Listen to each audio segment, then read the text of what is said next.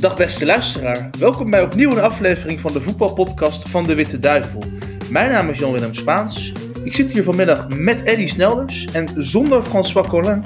Misschien moeten we daar zelfs aan gewend gaan raken. François is op reis in Zuid-Afrika.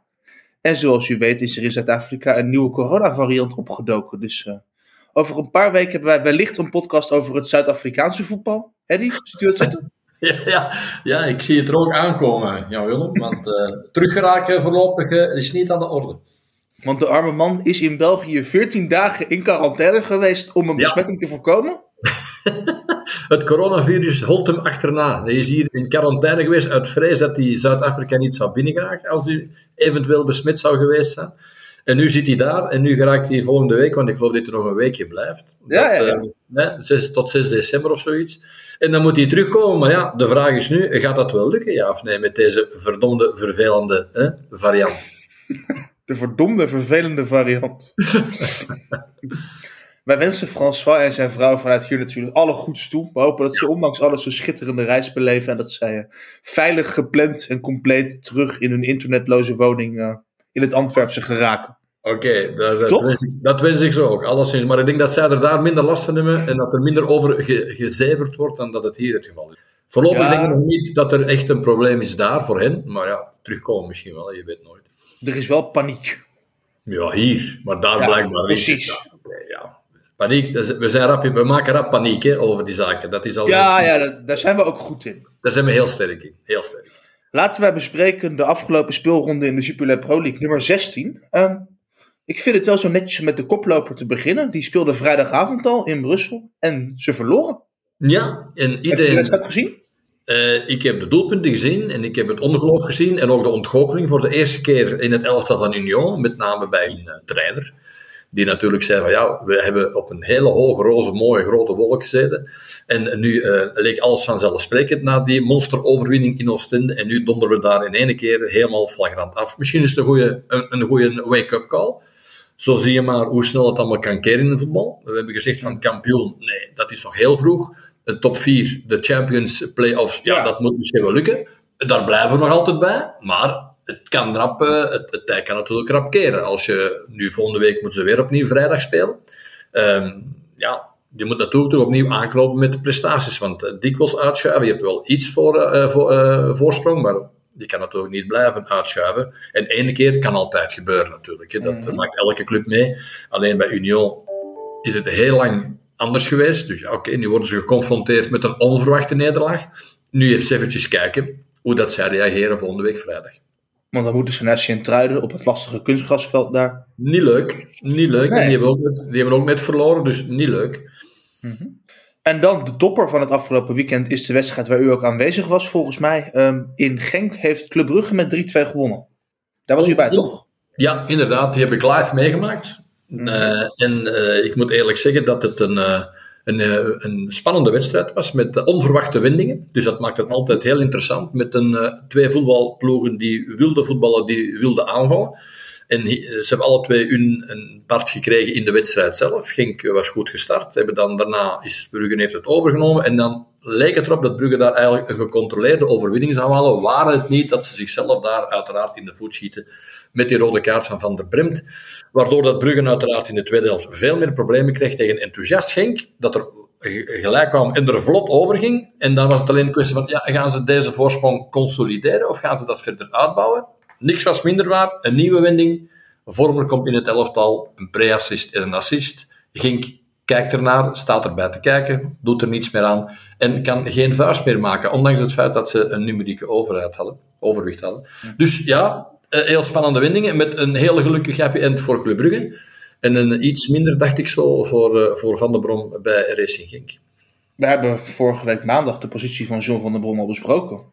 Ja, en die blijft natuurlijk uh, dezelfde. Hè. Alleen is er nu uh, één nederlaag bijgekomen, maar heeft wel natuurlijk midweek Europees heeft hij wel uh, een punt gehaald, waardoor dat de kansen op overwinteren toch nog aanwezig zijn. Dus ja. daar heeft hij dan respect, respect voor gekregen. heeft de laatste wedstrijd tegen Australië nog te gaan. Maar ik denk ook dat die wedstrijd van woensdag voor de beker, die revanche-wedstrijd voor een groot ja. die gaat voor hem uiteraard ook redelijk cruciaal zijn. Hij zit nu met een assistent die hij eigenlijk niet kende, die hij heeft moeten laten komen gezien de precaire situatie die er was gecreëerd in een voorgaande crisis, een paar weken geleden. Nu is het maar een kwestie van, ja, um, hoe gaat dat reageren? Vooral boven in de bestuurskamer. Ik denk dat die wedstrijd, um, vooral nu, hij moet heel op korte termijn denken en heel op korte termijn zien. Die wedstrijd voor de beker is voor hem een soort van surviving game. En ik hoop dat hij dat inderdaad uh, goed kan, uh, kan afsluiten. Duidelijk. En Brugge met 10 man gewonnen, dat uh, is een mooie opsteker na een hele vervelende Europese wedstrijd. Ja, en opvallend was natuurlijk dat na die wedstrijd, en zelfs voor die Europese wedstrijd, er wel wat kritiek was op Clement van zijn aanpak. En vooral het feit dat hij Ruud Vormer niet liet spelen.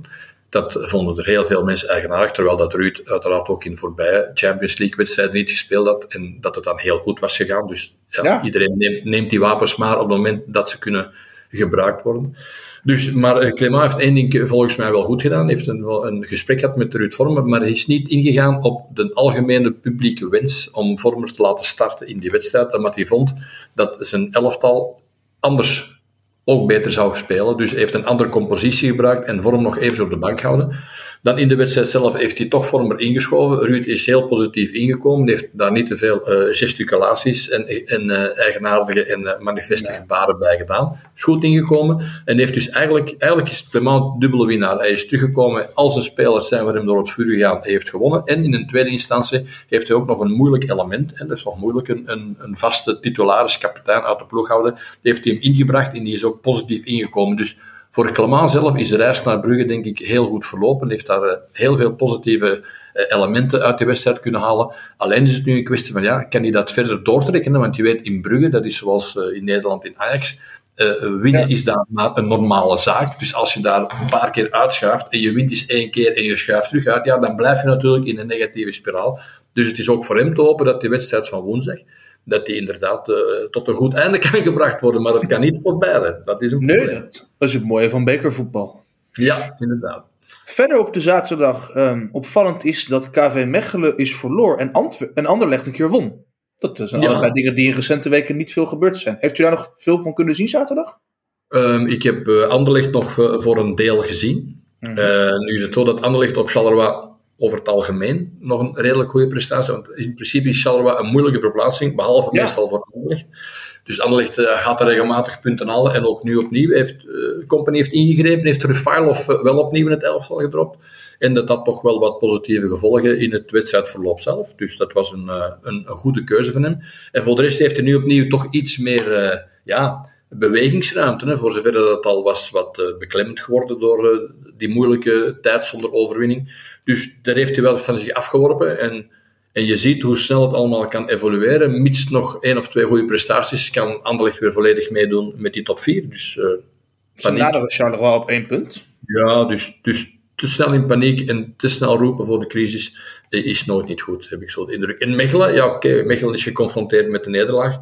Um, ja, ja, die een hele goede periode gehad. Nu is wat up en down. Ja, oké. Okay. Zij zullen natuurlijk hun borst moeten nat maken om ook in die top 6 zich te kunnen handhaven.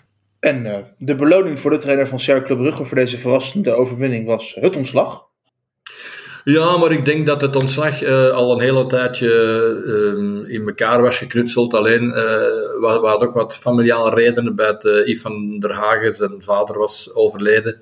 Ik denk ook dat Brugge daar wat rekening mee heeft gehouden, maar de beslissing eigenlijk al wat eerder was. Alleen is het natuurlijk vervelend dat je ze dan moet openbaar maken op het moment dat je ploeg een overwinning uh, heeft. Want ja. het feit dat er zo snel een, een nieuwe trainer is, dat duidt er duidelijk op dat er al veel werk was afgeleverd. En dat hij waarschijnlijk al had getekend voor die wedstrijd.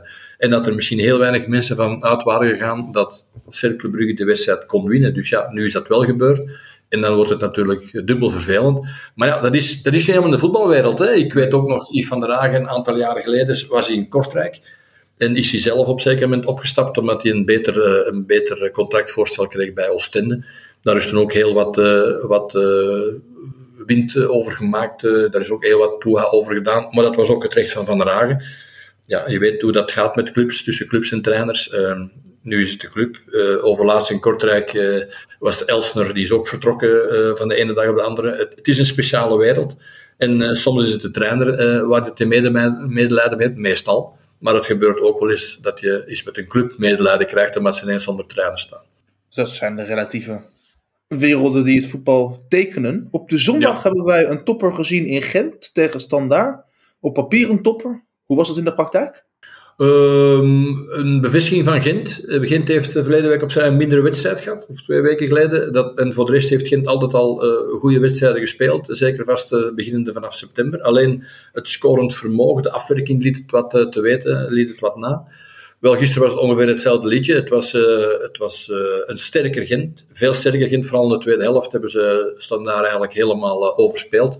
Dus die overwinning was meer dan logisch. Alleen heeft Gent heel veel, nog altijd heel veel kansen nodig om eigenlijk tot een overwinning te komen. Tissou Dali was nu degene, eh, die vroeger was het vooral de Poitre die in de vuurlinie kwam en die regelmatig miste. Nu had Tissou Dali gisteren misschien wel vijf doelpen kunnen maken. Hij heeft er wel twee gemaakt, dus chapeau. Goede prestatie, zeker en vast. Ook het feit dat je blijft in die 16 meter komen, ondanks het feit dat je ze nu en dan eens mist, dat eh, strekt een aanvaller tot eer, vind ik. Want hij moet het blijven durven, blijven proberen.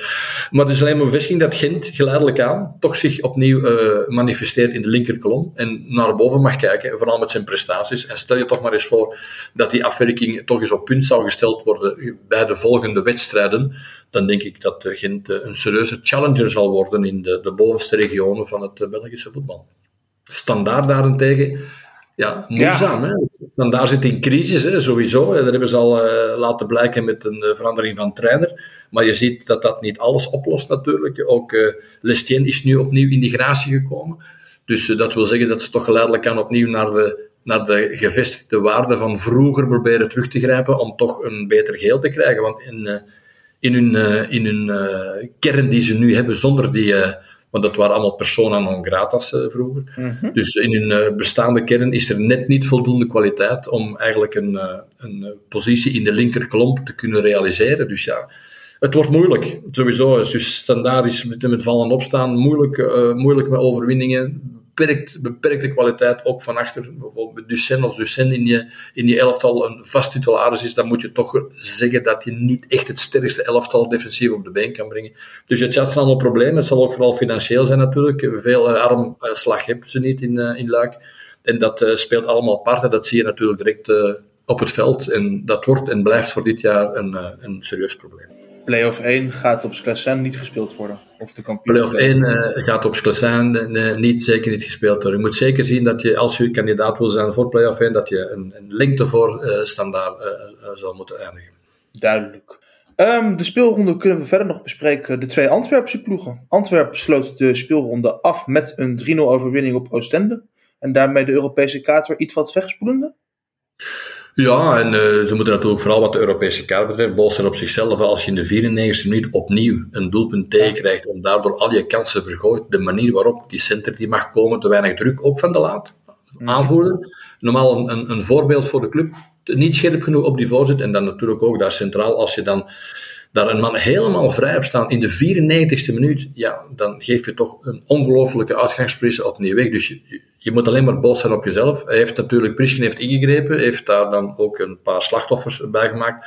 En uh, ja, het is alleen een kwestie tegen Oostende, is het uh, nu geen, uh, niet echt ext extreem moeilijk meer om te winnen. Die zitten in een, nee. in, een, in een periode dat ze dus heel veel mokerslagen krijgen. De, de periode dat Oostende voor de verrassing zorgde, is al een hele tijd achter ons. Zij moeten heel dringend naar beneden kijken. Ze krijgen nog weinig uh, constructiefs op de mat gelegd, dus dat is een groot probleem.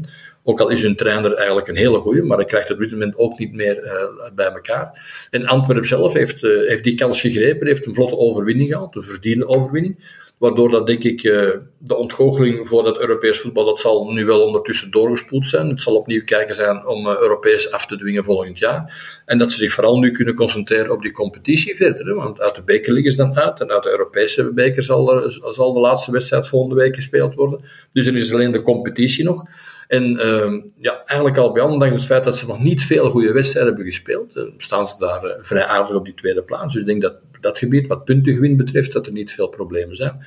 En hun kern, oké, okay, nu is Nangeland weer even uitgevallen, maar ik heb de indruk dat hun kern toch op dit moment wat meer gestoffeerd is om zulke zaken te kunnen opvangen. En zij leven nu toe naar een heel belangrijke wedstrijd, uh, vooral in en rond Antwerpen. Hè. Dat is uh, de derby volgende week op Beerschot. Ja, dat is de wedstrijd van volgend weekend. Maar daar zijn we nog niet, want uh, het nee. is eerst bekeren deze midweek. Ja, um, maar niet, heeft u nog... Maar niet voor Antwerpen. Dus, maar Nee, niet voor Antwerpen. Nee, nee, Die nee, nee, kunnen nee, nee, niet Die kunnen, die kunnen rusten. En Beerschot, ja, Beerschot moet zichzelf moet revanche nemen op zichzelf. Hè. Dat is een probleem. Je- Ja. Ja, je ziet acht, negen wedstrijden aan elkaar of 10, 11 te verliezen. Je maakt een, een, een ellendig parcours, dan win je twee keer en dan ga je het opnieuw afgeven in een, in een zes punten wedstrijd tegen Zulte Waregem. Ja, dan ga je terug naar af. Oké, er is nog niks verloren. De afstand tussen hen en Cercle Brugge en tussen hen en Zulte Waregem en tussen hen en Oostende is allemaal nog, eh, nog overbrugbaar. Maar je moet natuurlijk wel eens trachten van na twee betere wedstrijden niet ineens te denken dat het allemaal gebeurd is. En dat heb ik de indruk, de manier waarop dat Beerschot zichzelf eh, manifesteerde in een beginfase in Zulte Waregem, ja, dat was eh, de deur open en de nederlaag naar u toe roepen. Dus dat is niet echt de bedoeling, dacht ik. Ze zijn zich daarvan bewust. En ik weet niet of het de bedoeling is van zich te revancheren in de beker. Ik denk dat ze zich vooral natuurlijk ook willen richten naar de volgende thuiswedstrijd in de competitie. En dat is tegen hun, eh, hun lieve buur uit het noorden van Antwerpen. Dat zal eh, een gezellig onderonsje worden daar. Gaat Dat u zelf nog naar een eh, bekerwedstrijd deze midweek? Of? Ikzelf, ik, ik ga eh, naar, eh, naar Racing Genk opnieuw tegen Club Brugge, omdat daar toch heel veel Hmm. te beleven was gisteren. Gaan we daar opnieuw Logisch. Ja. En dit weekend bent u dan ook bij Beurschot Antwerpen? Of weet u dat nog niet? Eh, nee, nee, niet, niet eh, in het stadion zelf, maar ik eh, ga de wedstrijd wel bekijken op, eh, op de televisie. Duidelijk. Ehm, dan gaan we tot slot ga ik u onderwerpen aan een rondje voorspellingen voor de bekerwedstrijden. Ehm, ik ga u steeds vragen wie er verder bekert. Oh, gaan, we dan, dan gaan we het dan volgende week even optellen. Hoe, hoe dik Ja. is dat? Oké, Ja, leuk. leuk. Ehm Sereng Anderlecht. Sereng Anderlecht. Wie gaat er door? Eh Anderlecht. Duidelijk. Eupen Zulte Waregem. Ehm Eupen. Westerlo Leuven. OHL. Dat is een moeilijke. Westerlo kan stunten. Oké, oké. Ik Oké. stunt zeggen we Westerlo. KV Kortrijk, KV Oostende. KV Kortrijk. KV Mechelen, Cercle Brugge. Eh, KV Mechelen. Racing Genk, Club Brugge. Club Oeh, Brugge. en Standaard Beerschot als eh, slotakkoord. Eh, ja. Ja, Ja. Ja. Standaard of Beerschot. Zeg het. Ja. Het is... eh, ook- eh, Oké, standaard. Oké, dus Anderlecht wint van Serrain. Zulte Waregem wint in Eupen. Nee, nee, nee. nee. Eupen Nee, wint van Eupen wint dus... Oké, dus overwinning voor Serrain. Eupen. eh, Westerlo. Oh, ik, ja, Kortrijk, Kortrijk, Mechelen, Club Brugge en Standaard. Ben ik er één vergeten in de haast. Eh, Lommel tegen A-agent. Oké, agent. Ja, dat eh, lag voor de hand. Oké. Ja, ja, oké. Ja. eh, In bekervoetbal weet je nooit, maar... eh, Nee, ik nee, Ik twijfel alleen met standaard en Beerschot, omdat het verschil niet zo groot is als je staat. Maar ze hebben verloren op Gent, die moeten zich revancheren. Dus ik denk dat eh, Beerschot misschien wel de dupe daar zou van kunnen worden, in geval van. Dus geef standaard Ja? iets meer. Als u er genoeg goed heeft, dan zullen we het volgende week even vermelden. Als u er niet genoeg goed Nee, heeft, dan vergeten we er alles over. Oké, dat vind ik een fijne afspraak aan Willem, want je weet, Daar- voetbal is onvoorspelbaar, dus je kan je altijd missen, hè, dat weet je. Nee, dat zou gemeen zijn. Ik moet daar dan eh, mee om de oren te slaan. Dat is helemaal niet mijn bedoeling. En daarbij, eh, we moeten, ik moet sowieso oppassen dat, eh, dat er nog iemand met mij een podcast wil maken. Als heeft- ja, als ja. doe. dat- ja. de Als andere als- persoon. als als je- als te negatief gaat belichten, dan gaan we allemaal afhaken natuurlijk. Dat. Gaat u ook naar Zuid-Afrika? Of? ja, dan moet ik wel gaan. Dan moet ik wel. Jawel, Eddie Snelders, François Collin en de Big Five. Jawel, ik, ik zie het wel voor. Maar goed. Zijn er al twee van de vijf. We moeten nog maar drie zoeken. Duidelijk. Nou, ik eh, dank u van harte voor uw tijd vanmiddag. Ik dank alle luisteraars uiteraard weer voor het luisteren. Eh, wij horen elkaar volgende week terug. En eh, tot die tijd, hou u allen goed. Fijne avond verder.